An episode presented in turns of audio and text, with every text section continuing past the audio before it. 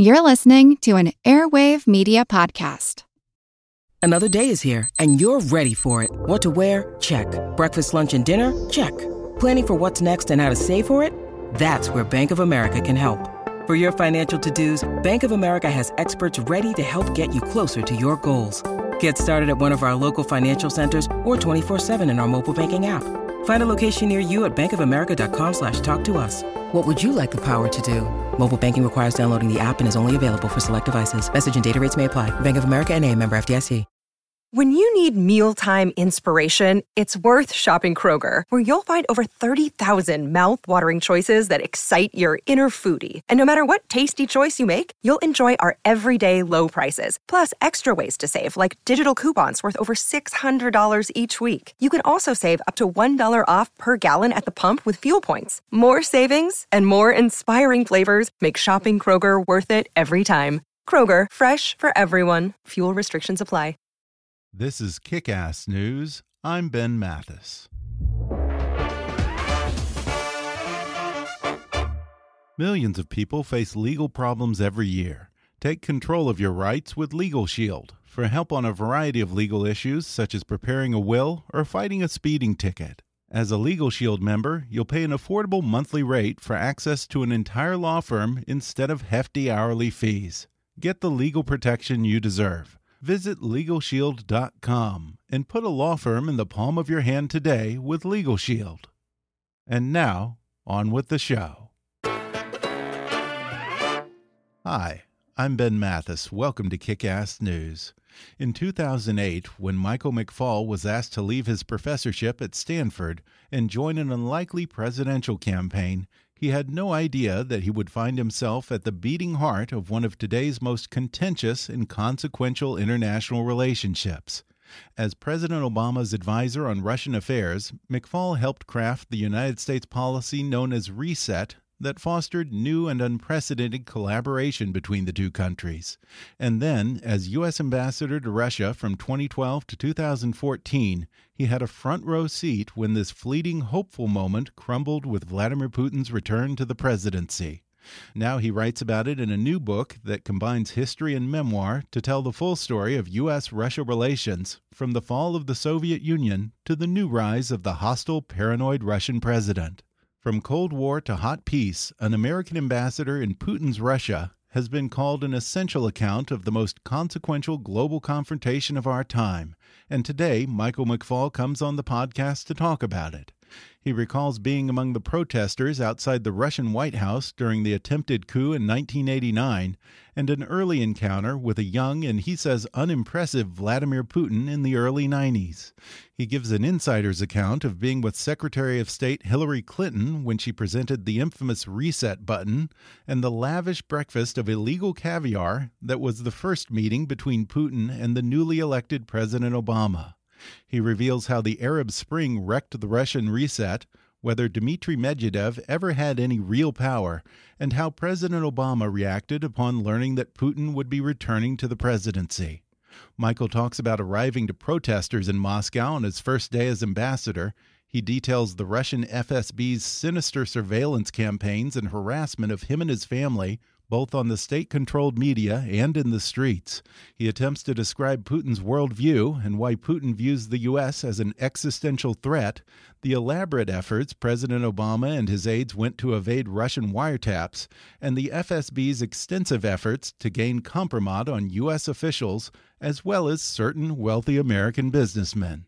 Coming up with former U.S. Ambassador to Russia, Michael McFaul, in just a moment.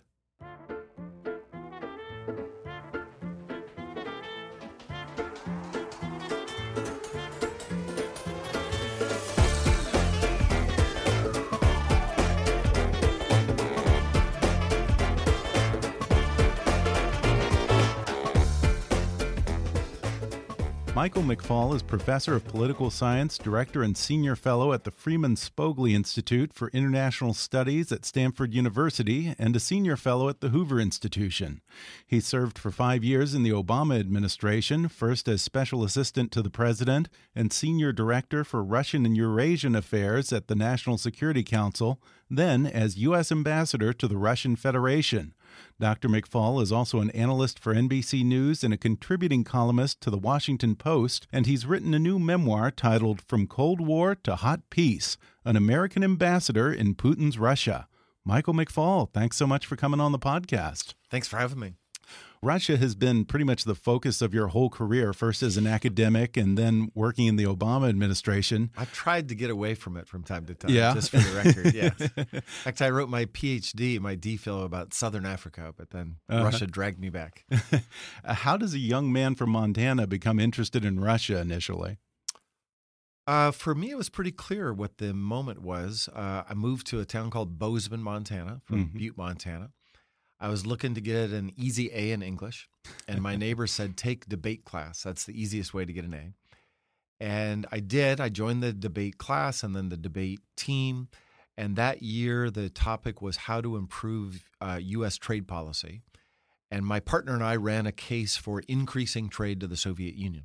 This is in 1979 and uh, specifically was to repeal the Jackson Vanik Amendment to the 1974 Trade Act. So, a pretty obscure thing that I later participated yeah. in 30 yeah. years later. Uh, so that was it. Uh, that was the moment. And then, uh, as a kid going to Stanford, mm-hmm. I enrolled in uh, as a freshman first year Russian and Poli Sci 35, how nations deal with each other.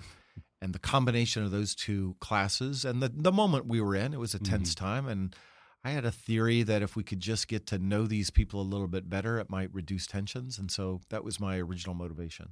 Uh, yeah, you got to know them a lot better, it turns out. There's this great photo of you at the protest outside the Russian White House during the attempted coup in 1991. What was that experience like? Well, so um, as a kid, I decided to, to, try to go study there. So my first trip abroad was to Leningrad, USSR. 1983. Uh, uh, imagine my mother in Montana when I called her up to say I'm going to, to the USSR. She thought uh, California was a communist place at that time. Uh, but over the next several years, I spent different periods of time there. Um, mm. In 1991, I was a 1990-91, I was a Fulbright scholar at Moscow State University, and happened to be there in that crucial year of massive demonstrations against the Soviet system and over time got to know some of the leaders of that movement and and in my own kind of marginal way participated in it as a with an organization called the National Democratic Institute. And that's that was then a, a period of activism in my career. So I've been an academic, an activist, and a government official. And those were activist times and they were they were great years, I want to tell you honestly. They you know, we felt like we were part of something special the end of the Soviet Union, the end of the Cold War. Uh, back then, we thought we were helping to build democracy in Russia. And remember, back then they wanted us to be there. We weren't meddling yeah. in their internal it's affairs. Hard to remember those times. Now. Yes, it is. But yeah. we were invited by the government uh, after the the Boris Yeltsin took over. Mm-hmm. Um, obviously, didn't work out as planned. Yeah, and I was in Moscow around the same time, although I was a few years younger than you, I mm-hmm. imagine. Mm -hmm. uh, I was on a people to people trip. You were? Yeah. And, you know, looking back, it makes me wonder what happened to all those young idealists who that turned out to protest in 1991? I mean, I assume you're still friends with maybe some of them. Do they still have the fight in them, or, or are they a little more cynical today?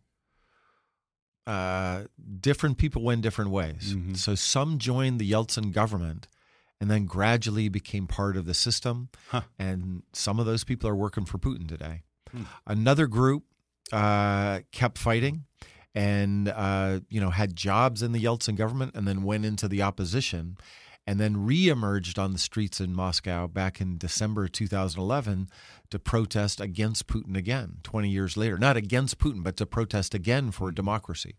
And some of those people were my friends from 1991. And then a third group are living in exile. They, they left the country. Um, they're living in New York, they're living in Estonia, uh, living in London because they couldn't find a place in Putin's Russia. Yeah, and some of those friends, things didn't turn out so well for them. You were friends, I think you said, with uh, Boris Nemtsov, yes. right? Yeah, yeah. Boris Nemtsov. You, you, well, no, sorry, some Nemtsov. of them, yeah. yes, he was assassinated in uh, 2015. You're right about that. And he was one of those people, that you know, a charismatic leader, democratically elected a couple of times as a, as a governor in Nizhny Novgorod came to Moscow to be the first deputy prime minister for Boris Yeltsin. And many people thought, and, and, and Yeltsin implied that he was the heir apparent. Yeah, that's right. What what happened there? Was it just the economic collapse? Very, very, Yeah. very precisely was the Okay. economic collapse. So he came in in 1997, and then there was a financial collapse around the world in August 1998. It started in East Asia, but but got to Moscow, Yeah, and that pushed him out of the government. And I think Russian history would have been very different no had doubt. he stayed on and become president. Um, and uh, instead, Yeltsin picked out of obscurity uh, Vladimir Putin, uh, first to become his prime minister, and four months later to become president of the largest country in the world, a person who had never run for elected office before then. Somewhere in this time, you actually met the young Vladimir Putin. Uh, did. he make much of an impression on you back then? Not really. No, No. he was working. to be honest, um, I would have never imagined he'd uh, become president of Russia. Uh, Yeah. At the time, he was the deputy mayor in St. Petersburg, and his boss, Anatoly Sobchak, was a really charismatic leader of the democratic movement. Um, uh, Putin was just in charge of liaison relations with uh, international organizations, and we were one of those. Uh, and we were there because we're in LA. I remember very vividly.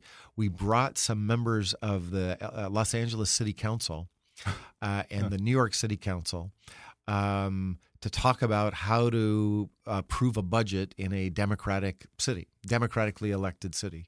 Fact, the guy, his name was Zev Yaroslavsky. I, I don't know. Uh, he later, I think, was a politician yeah, here for yeah, many yeah. years. Yeah, still But is. Zev was very Yeah. popular because his heritage came from Russia right. Yeah. and he was uh, he was a rock star back then, um, talking about you know uh, uh, democratic politics at the city level.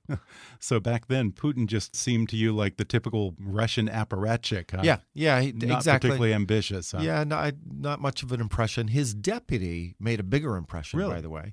His Which deputy, uh, his name is Igor Sechin. And Igor Sechin Uh-huh. then was a very low level deputy, and you know our job was chicken or fish for the you know the banquet. That those were the ma- you know big important decisions we were making. Uh, but today he Yeah. is the CEO of Rosneft, the largest oil company in Russia. So being Putin's friends, uh, being Putin's friend, uh, can pay off in the long run. Yeah. Now, looking back at the 90s in Russia, do you suppose that the U.S. could have done more to help steer Russia toward a better outcome?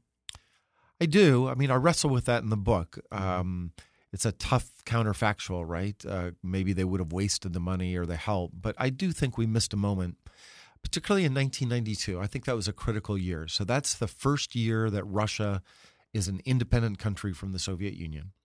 They are undertaking a massive economic reform. Going from communism to capitalism is not easy. It wasn't Yeah. easy in any country. Poland, Hungary, Estonia. Yeah. And yeah, they weren't the only ones who went through this. They all went but, but on a much larger scale, you have to admit. because they were the largest country, largest economy. So Yeah. their depression was lower. In fact, the World Bank Hmm. estimates that that depression was three times worse than the American depression in the 30s, just to give you some sense of what people Wow. were living through.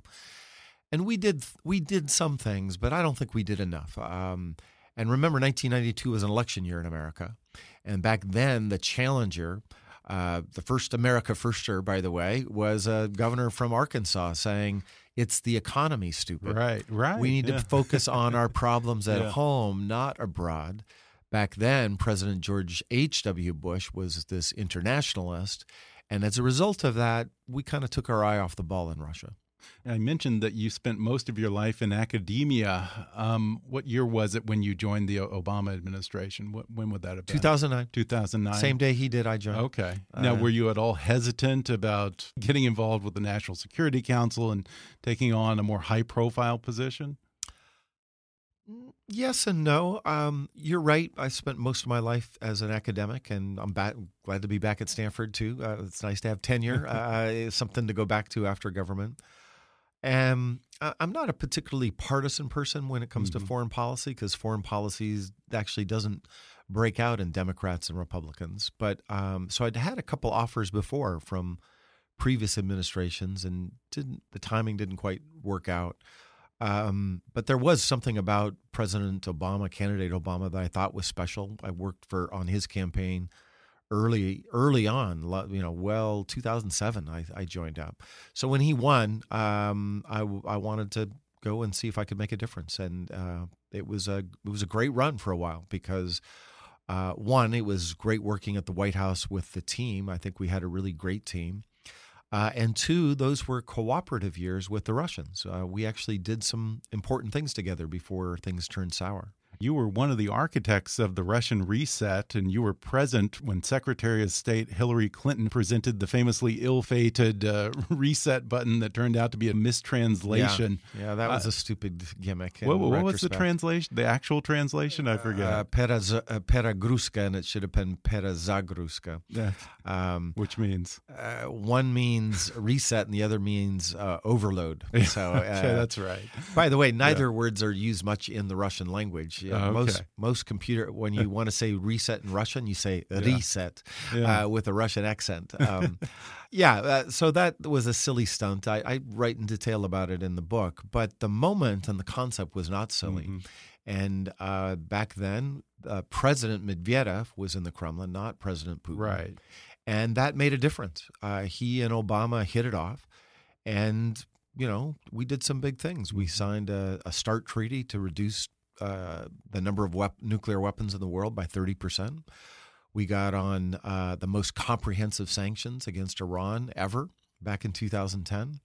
Uh, we opened up supply routes to Afghanistan so that we could reduce our dependence on Pakistan which was essential for the operation we did in 2011 against Osama right. bin Laden. Yeah. So these are these are not big deal. Yeah, not kumbaya, but, hold hands, kind of let's yeah. have good relations. These were things that really affected our national security. But even still, I wonder if that mistranslation perhaps serves as a bit of a metaphor for mm. the reset in the sense that do you think that the reset meant something different to the Russians than it meant to the Obama administration? I think it meant something different for Medvedev than it did for Putin. In fact, we learned that yeah. pretty uh, yeah. up close and personal. So for Medvedev, remember he was a younger, he is a younger guy, you know, a yeah. decade younger, was a lawyer just like Obama, very Western oriented guy from St. Petersburg. And early on, it was clear to us in 2009, the first meeting they had was April 2009, that he wanted to be more active in the West and cooperate with us. And over the course of his presidency, the reset became his greatest achievement. Uh, mm-hmm. In part because he didn't do that much on the domestic front. So he was heavily vested into making this thing work. Whereas Putin was much more suspicious from the very beginning, yeah. uh, distrusted the United States generally, uh, thought that you know basically international affairs are zero sum. So if it's plus two for America, that means it's minus two for Russia. And when he came back in, uh, we saw that up close and personal it became much harder to work with Russia. You talk about President Obama's first meeting with Putin. You were there for that as well. Um, he was, was, prime minister wild. at the time, and you guys had this lavish breakfast at his dacha. Uh, describe that meeting for us. Well, we went out to his house. So this was our first trip to Russia with the president. Um, uh, so the first day spent with Medvedev. Uh, and then the, that second morning, we wanted to see Putin, right? It's very delicate, mm-hmm. by the way, because Medvedev is the president. President Obama is our leader in terms of foreign policy. So seeing Putin was always difficult uh, and an awkward dance, but we went out there.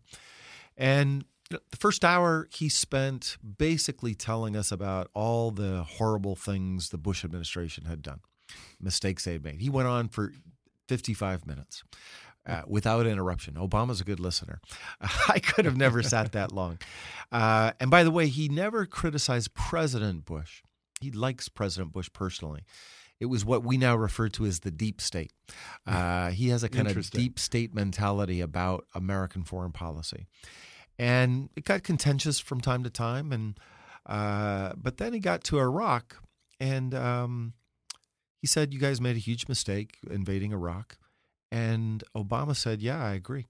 Huh. And that surprised Putin. He'd never heard an American say that before. And Obama reminded him that he had been against that war long before it was popular to be against that war. And that was a moment where I thought Putin was looking at, you know, this new guy and thinking, well, maybe things will be different with them. Um, and as we left, uh, we, we, were feeling pretty good. We drove back into town. He, he lives about an hour outside of town.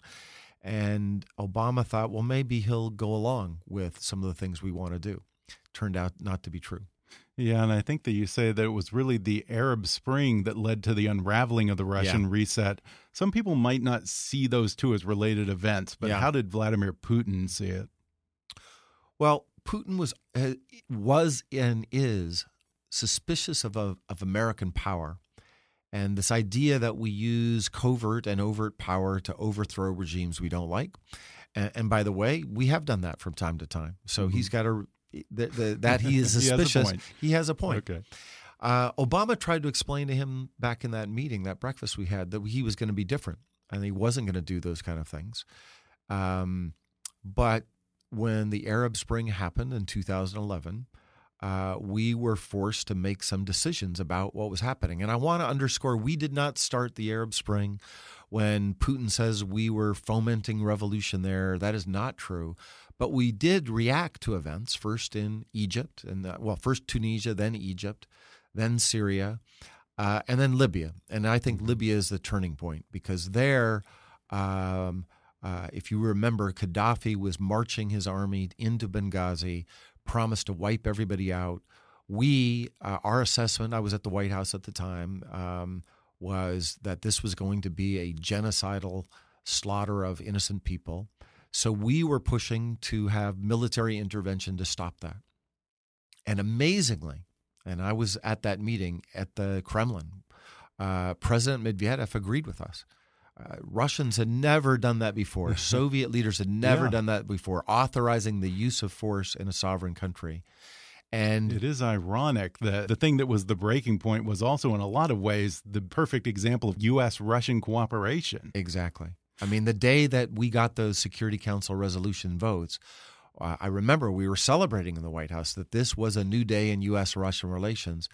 But two days later, or maybe even shorter, maybe it was just a day after, Putin went on the record to say that Medvedev had made a mistake. He had never criticized President hmm. Medvedev on the on the record, and I think he thought, you know, Medvedev's drinking the reset Kool Aid here. He's he's been taken in by Obama. Um, and then to the, the punctuation mark for it was later that year, not in the Middle East, but in Russia, there were massive demonstrations against mm-hmm. Putin's regime. Uh, and he again blamed us for that. He blamed America, he blamed Obama, and eventually, when I became ambassador, he blamed me. I wonder about his worldview this idea that the U.S. is intervening everywhere to try and influence elections and overthrow people, whether it's in the Middle East or whether it's in Russia. Do you think that that's something in his heart of hearts he actually believes, or is that just something he puts out for public consumption domestically? So we used to debate your very excellent hard question in the government all the time. Really? President Obama used to ask me your. It is question. a mystery. It is a mystery. Um, and here my thinking on it's evolved. So initially, I thought it was just instrumental. Um, you know, he was running for reelection in 2012, so he needed any argument he could have, and blaming us for the protests that that was uh, something to do to shore up his electoral base. Mm-hmm. Uh, most certainly, some of the people around him running the election are cynical. I think all campaign people are kind of cynical, right? Um, and and one of them told me that when I showed up as ambassador. He's like, "So, yeah. thank you you're, that you're here, Mike. You're going to help us win this election." um, and most certainly, part of Putin thinks that way. But over time, the more I got to know him and follow him. I, I do think he believes it. I think he's a fairly paranoid guy, especially back then. And he's partly true, uh, uh right, by the way. I want to say that we do represent, when we're uh, at our best, we, the United States, democracy and human rights, and we stand for a more open society. And just being Americans, therefore, is a threat to the way that he likes to govern. We're going to take a quick break, and then I'll be back with more with Ambassador Michael McFaul when we come back in just a moment.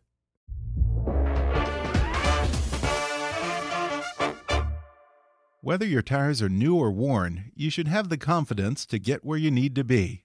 That's why Michelin designed the Michelin Premier tires with worn performance in mind. Michelin Premier tires are built to maintain wet braking performance throughout the life of the tire. Get there no matter the weather thanks to the Michelin Premier Tire's EverGrip technology, which helps maintain wet braking performance even as your tires wear. And now you can compare the Michelin Premier All Season Tires worn tire braking versus leading competitors at michelinman.com slash long-lasting performance. That's michelinman.com slash long-lasting performance. Support for today's show comes from an innovative shampoo. Introducing Control GX, the first gray reducing shampoo from Just for Men. Just for Men helps men look their best so they can celebrate who they are, what they achieve, and how they feel. They relentlessly innovate and deliver smart hair care technology that does the work for you, making it radically easy to get the natural look you want. And now, reducing your gray is as easy as washing your hair with Control GX. Just use it as you would your regular shampoo until you like what you see subtle, natural looking results. Shampoo in, rinse out, and move on. It's that easy. Most guys get the results they want in about two weeks. Look forward to a smart look. Because when you look as good as you feel, every date night, every meeting, every guy's night out will be something to look forward to. Get 25% off Control GX using code REGROWTH25 at controlgx.com. That's code REGROWTH25 to get 25% off Control GX at controlgx.com. Today's podcast is sponsored by Travel Guard.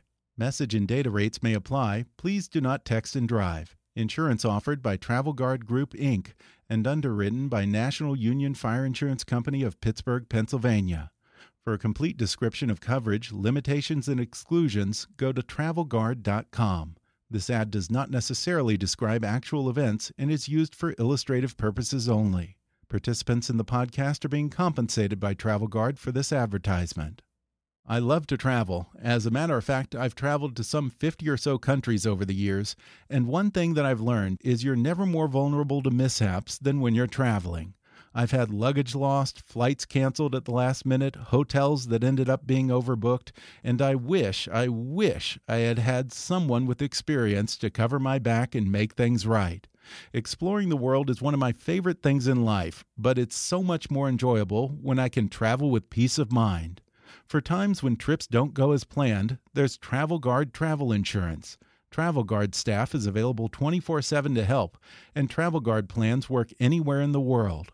Coverage includes flight and hotel rebooking, lost baggage, medical expenses, and more. Get coverage now for as low as $30. Text KICK to 484848. That's K I C K to 484848. And now, back to the show. When Putin decided to run for president again and switch places with Medvedev, uh, how did President Obama react to that decision? Did it surprise anyone? Because I remember at the time there were still rumors or, or the idea that maybe Medvedev was going to actually run for reelection right. and that he was going to continue this progressive agenda. That's right. Which didn't turn out to be the case. Did, right. did anyone take that seriously? Well, Medvedev certainly did.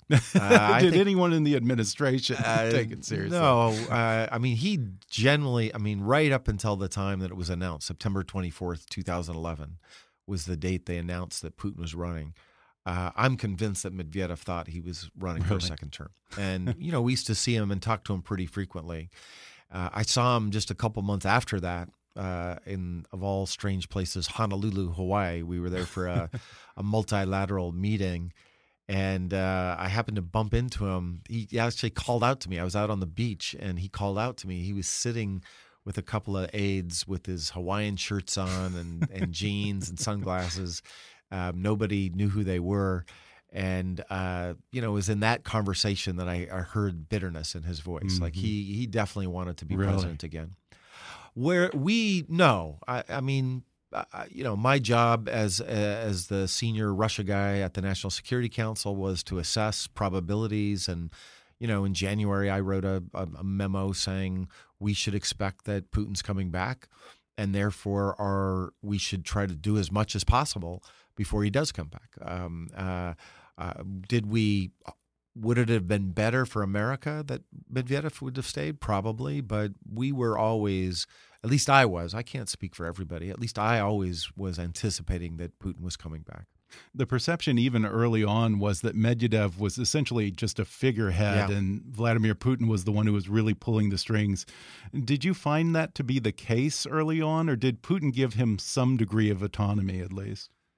Well, that most certainly was our assumption initially in 2009 in the government and and the intelligence assessment too, right? Uh, Mhm. And for very logical reasons. But over time, it changed. Um, and and think about it: if you're sitting in the Kremlin as the president, you want to be autonomous. You're not so interested in somebody telling you what to do. The But first you time, also want to keep your life. well, and your job, uh, you know, he had one vote to win to be reelected, and he didn't capture it. Uh, he didn't get Putin's vote. But we saw it from time to time. So we saw it, for instance, when um, uh, Medvedev agreed to new sanctions on Iran in May 2010. Uh, he did not have to, but he did. He canceled the sale of an S 300 contract, a multi billion dollar contract with the Iranians that Putin had signed. And we knew that Putin did not want to cancel that contract, and he did. Uh, Libya, that we just talked about, uh, that was clearly that they were disagreeing. Um, in fact, the meeting that he told us about it, he kicked everybody out of the room except one note taker, myself, and, and a Russian note taker, because he knew that if we got back to Putin, the position he was taking, that was going to create problems with uh, with Putin. Um, so I, I think he was more autonomous than we thought it at the time, and the fact that Putin came back and made more things more difficult suggests that actually Medvedev did matter as an individual decision maker. I think it was after President Obama was reelected, you were appointed U.S. ambassador to Russia. At the same time as these U.S. Russian relations were starting to deteriorate, uh, what was your mandate from the president going in? Well, my initial mandate was to continue the reset. uh, it was in 2011 that we started this conversation about me going out to Moscow. Um, uh, and it was at the height of this cooperation you and I were just talking about. It was right around the time of Libya when uh, I, you know, most academics, by the way, just spent a couple years in government, and that was always my plan to spend two years and, and go home. Uh, the president had a different idea. He said we were doing too much positive work for me to leave now, and that's when he came up with this idea for me to go to Moscow. By the time I got there, uh, you know, there were several decisions, uh, dis- discussions. First, I had to convince my family that we're going to go to Moscow. Then I had to go through the review process and all the conflict of interest stuff, that all that paperwork. Stanford co-owned my house at the time, so we had to figure all that out. then uh, the Senate, you know, uh, that Oh, was yeah. a, that was a process. um, that little uh, blip that was about four months long. Um, and by the way, it was not about me personally. I had a lot of report from Republic uh, support from Republicans, uh, but they were uh, keeping me hostage uh, because of certain things that they didn't uh, trust President Obama to do. So by the time I got there, the reset uh, was all over. Uh, you know, Putin was running for reelection. There were these massive demonstrations. Putin was blaming us for it. And then when I arrived, uh, the on national television, the, even the day before I had appeared at the embassy, I remember it. It was Martin Luther King Day, so we had an extra day off. Uh, there was a hit piece on me on Russian television Yeah. saying that I was sent to stir up uh, opposition to Putin and, and foment a revolution against him. Yeah, it's a hell of a reception to get Yeah. for Yeah. right off of the plane there. Yeah. and I, you know, I thought I was Mr. Reset, right? I was like, come- why are you guys so uh, worked up about me? Don't you remember all this good work we had done? But things had changed inside Russia. Yeah, and I think you said that you had protesters following you around and harassing you. You had at some point, didn't they even try to put out a rumor that you were a pedophile of all things? Yeah, they did. God. Uh, all those things happen, and um, yeah, that that pedophile video in particular was troubling because how do you what do you do to respond to that right you you go on Mhm. twitter and say i'm not a pedophile and then you're arguing with trolls about that Yeah. that didn't seem like a great strategy we initially it was actually put up on facebook initially and we uh, um i'm sorry youtube uh, and we got google to take it down uh, to their credit Huh. Uh, but then it reappeared on other russian websites and um to this day, if you go on to the Russian search engine, engine Yandex and put pedophile and McFaul in there, you'll get 3 million hits.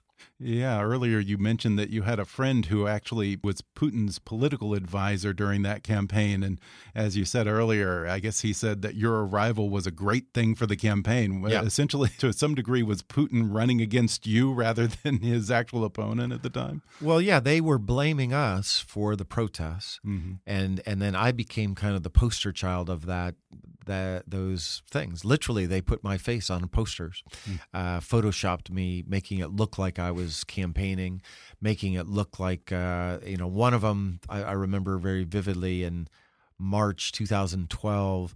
They said the political circus is coming to town again. It was a big demonstration, and the artistic director of this political circus is me.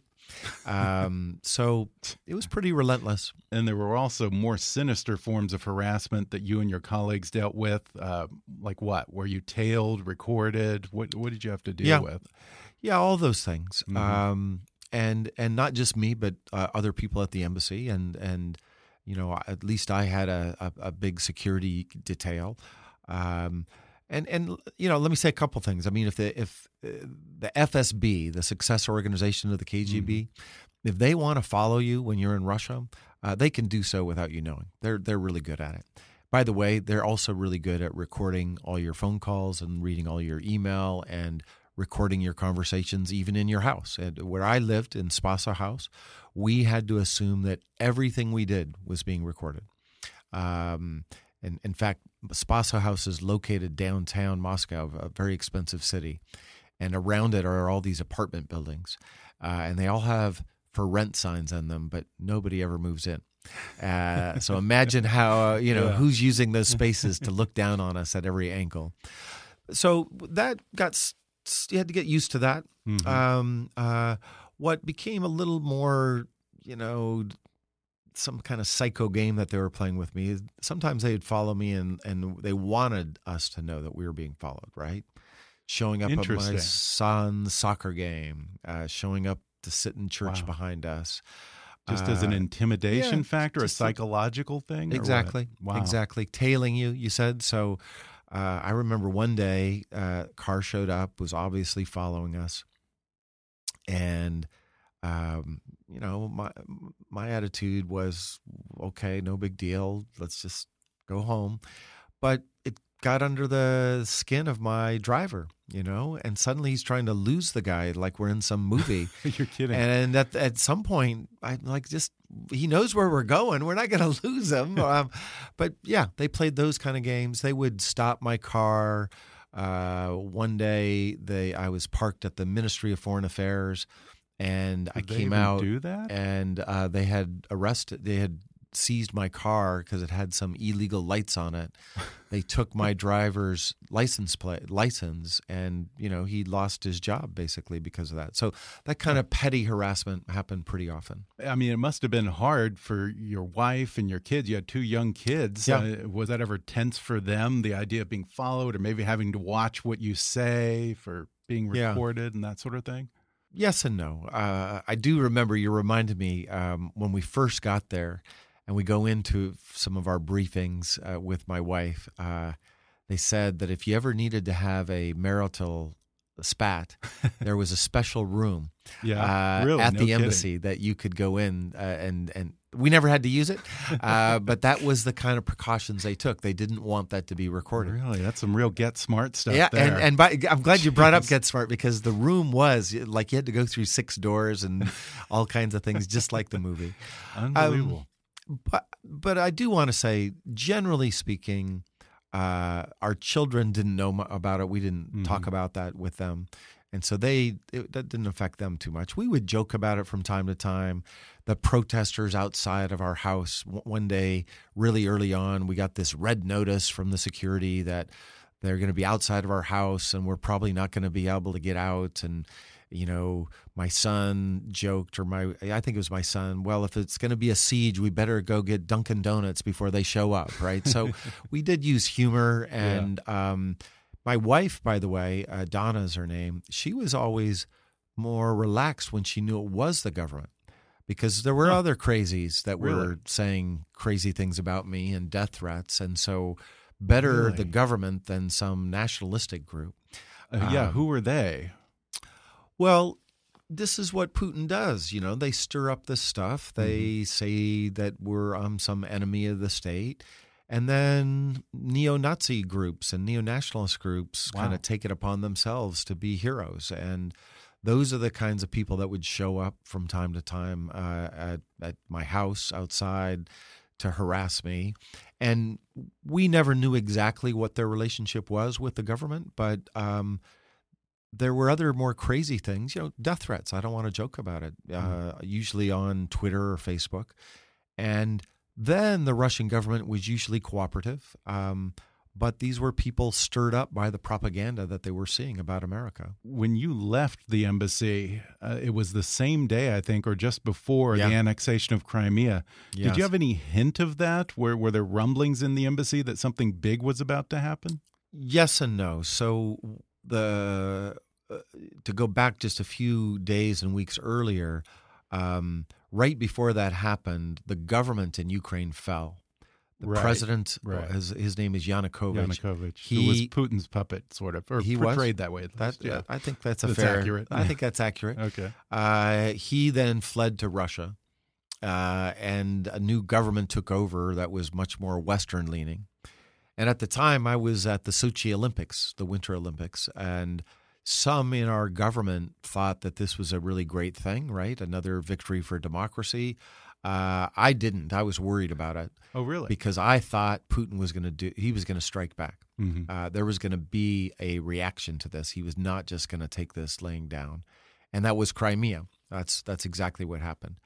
Um, you know, we debated what the various reactions might be, and uh, some in the government thought it might be Crimea. Uh, I would not say that that the majority in our government thought he was going to do that. That that actually was surprising that he would. You know, annexation after all is something we thought we'd gotten rid of after World War II. So Yeah, now we were I back mean, to that. Had, had anything been annexed post Stalin? Not to my knowledge, Huh. no. Do you consider annexation a fait accompli at this point? I mean, it seems to me that there doesn't seem to be very much will to actually fight anymore. Yeah, that's a hard question, and I don't have an easy Yeah. answer. Um, I think it's very important to keep to the principle that we do not recognize annexation ever, because once you open that can of worms, you know, all kinds of borders can be redrawn, including even around here. You know, uh, uh, you know, if you go back 150 years, um, so that I think is very dangerous. And I would just remind your listeners that, um, you know, back when Stalin annexed Estonia, Latvia, and Lithuania, uh, most people in the world said, "Well, that's that. That is a fait accompli. They're part of the Soviet Union," and they were part of the Soviet Union for a long, long Mhm. time. And then things changed, and now they're independent countries. So uh, I think we have to have the same long game mentality in thinking about Crimea. Uh, I want to ask what you thought years later during the 2016 election as it came out that Russian operatives were hacking the DNC and trying to hack voter registrations. Did that sound familiar to you, or was it shocking even to you? Well, the methods were familiar. Mm-hmm. So, you know, stealing emails and using them for political purposes, I'd seen that many times before. Uh, I once had a uh, speech I gave to the U.S. Russia Business Council, of all innocuous things, at the Marriott Hotel in Moscow, recorded and then spliced in a way to make it sound like I was, we were going to overthrow the Putin regime. Um, so that that is a old tactic. Disinformation, we've been talking about that, and running ads on Facebook uh, to to foment polarization and to support one candidate or another. I'd seen that before, but I was surprised that he would be so audacious as to do it in our presidential election. Uh, that was surprising to me, and and to a lot of people, I think it was surprising to the the Obama administration at the time as well, and maybe that's why they were so slow to respond. Mhm. I want to ask you about Kompromat because I'm sure that you were briefed and all of your colleagues at the embassy were briefed on this sort of thing. Beyond just government officials, is it common for the FSB to surveil and maybe even record, try and get Kompromat on a U.S. businessman like say, I don't know, Donald, Donald Trump. Is that a typical thing that they do? Yes. Mm-hmm. Uh, a, they have the capacity to do it, and B, they will do it in a, a for a much wider uh, population than you might think.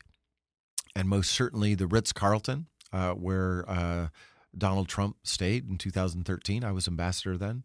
Uh, that is a hotel that has tremendous capabilities. Really? Um, what do you mean by that? Is that something you can elaborate on? Probably not. Okay. Uh, but I can You're tell you talking one about the room service, right? uh, I, I can tell you a story because I got it Okay. cleared for my book. You know, my book I had to get cleared twice. oh yeah, I'll bet. because I did not want any uh, secret information bleeding into the pages. So, uh, so this story is in the book. So I I've stayed at the Ritz Carlton with uh, President Obama. We stayed there in 2009. That's the hotel we were in, and uh, to have a confidential conversation with Obama, we built a submarine-like structure. Uh, pieces, piece by piece, shipped from the United States and built it inside one of the suites in the Ritz Carlton uh, to make sure that our conversation was not recorded. So Wow. that's just to give you a sense of the effort that we went into to make Yeah. sure. And and by the way, with like weird wacko music spinning around to try to d- dilute uh, any recording devices. Um, uh, power came in from some very strange way. Um, and you know, just you need to assume that if you stay at a place like that, anything you're you're doing could be recorded. Now, I don't know if they did, obviously, and I obviously don't know what uh, Mr. Trump was doing at the Ritz Carlton, but the capacity to do that is is there. Well, I want to end by just asking you a couple quick questions about Vladimir Putin and maybe as best you can try and get into his psyche. What do you think he wants from this relationship with the U.S., or, or does he care about having that relationship at all anymore? I think generally he wants the United States to play a smaller role in the world. He wants us to be weaker. He wants us to turn inward. Um, he definitely wants things like the NATO alliance to be, break up so that that can give him an opportunity to have bilateral relationships with countries like Germany and Italy, not uh, mediated by the NATO alliance. Um, and as we said earlier, I do think he thinks of us as a threat to his regime uh, because he's he rules in a non-democratic way. Um, that all said, uh, I do think he was optimistic about trying to build a relationship with President Trump. Uh, candidate Trump, after all, said some things as a, uh, during 2016 that were friendly to Putin. Uh, you know, he he said he might look into recognizing Crimea. He's uh, as part of Russia. He said he he would look into lifting the sanctions. He was pretty tough on NATO, uh, and he never talked about democracy and human rights. Um, they are now disappointed. I think that's pretty clear that they thought there was going to be new momentum with President Trump. They blame the deep state again, uh, just like they did with uh, President Bush. Um, and and so I'm not.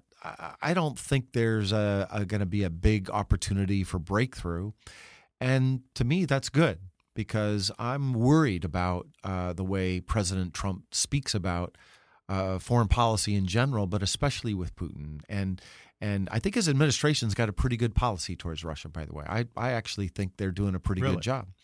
Uh, but the president himself has his own policy, and and uh, and, Yeah, and that's that's what scares me when he says. You know, he, he just gets up, he gets mixed up means and ends. Mhm. Uh, Interesting. the goal of a, any policy towards any country should be uh, things that advance our objectives. Mhm. And the means are to get along, or sometimes it may be to contain them.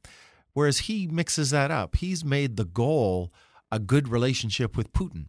Mhm. And by the way, he personalizes everything. I think that's very inappropriate. It's not.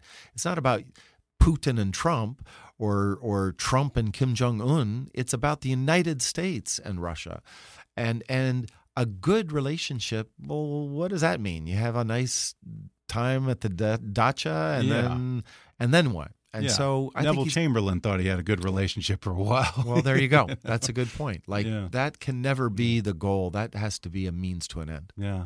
Now, could Putin step down from power even if he wanted to, or, or are there too many people depending on him staying in office at this point?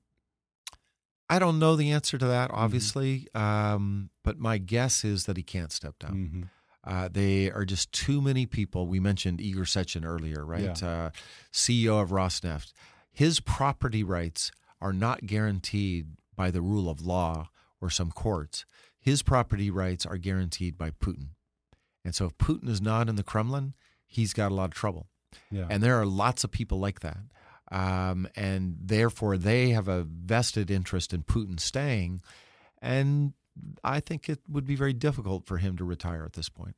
So if he just wanted to lead a normal life and live in his dacha and not take on a political role, he would either perhaps end up dead or in prison or Could be pretty hard. Yeah. And and the, he needs to be reminded of what he did Mhm. the last time he was hired to Yeah. do that job. So Yeah. remember, Boris Yeltsin picked him out of obscurity. Um, and his one job uh, that was guaranteed was to not mess around with Yeltsin and his family and the oligarchs that were connected to him. And Putin kept his word with respect to Yeltsin and his family. You've never heard about them being arrested. They, Mhm. they're protected. right. But the business people around him, uh, one of them, the one who was the most responsible for Putin becoming president, uh, Berezovsky was his name. He's uh, he committed suicide allegedly in London. Just months after Putin took over, he went after him, and Berezovsky was in exile. Another oligarch, Gusinsky, same thing. And then Khodorkovsky in 2003, the richest man in Russia at the time, Putin put him in jail, seized his oil company, and eventually it, Hmm. Uh, it ended up in Igor Sechin's hand. Wow. That is a story Yeah. that he did, and he has to worry that somebody might do the same thing to him should he step Yeah. down. Yeah. I'd rather be a poor man in America than a rich man in Russia. I'll tell you that. That's a great phrase. Well, again, the book is called From Cold War to Hot Peace An American Ambassador in Putin's Russia. Michael McFaul, thanks so much for talking with me. Yeah, thanks for having me. Thanks again to Ambassador Michael McFaul for coming on the podcast. Once more, you can order From Cold War to Hot Peace An American Ambassador in Putin's Russia on Amazon or Audible. And keep up with Ambassador McFaul on Twitter at, at McFaul or on his website, michaelmcfaul.com. Whether your tires are new or worn, you should have the confidence to get where you need to be. That's why Michelin designed the Michelin Premier tires with worn performance in mind. Michelin Premier tires are built to maintain wet braking performance throughout the life of the tire. Get there no matter the weather thanks to the Michelin Premier Tire's EverGrip technology, which helps maintain wet braking performance even as your tires wear. And now you can compare the Michelin Premier All Season Tires worn tire braking versus leading competitors at michelinman.com slash long-lasting performance. That's michelinman.com slash long-lasting performance. Support for today's show comes from Control GX, the first shampoo that gradually reduces gray from just for men. Just use Control GX as you would your regular shampoo until you like what you see subtle, natural looking results. Shampoo in, rinse out, move on. Most guys get the results they want in about two weeks. Look forward to a smart look with Control GX. Get 25% off Control GX using code REGROWTH25 at ControlGX.com. That's code REGROWTH25 to get 25% off Control GX at ControlGX.com. If you haven't already, be sure to subscribe to Kickass News on iTunes and leave us a review. You can follow us on Facebook or on Twitter at, at KickassNewsPod. And as always, I welcome your comments, questions, and ideas at comments at kickassnews.com. I'm Ben Mathis, and thanks for listening to Kickass News.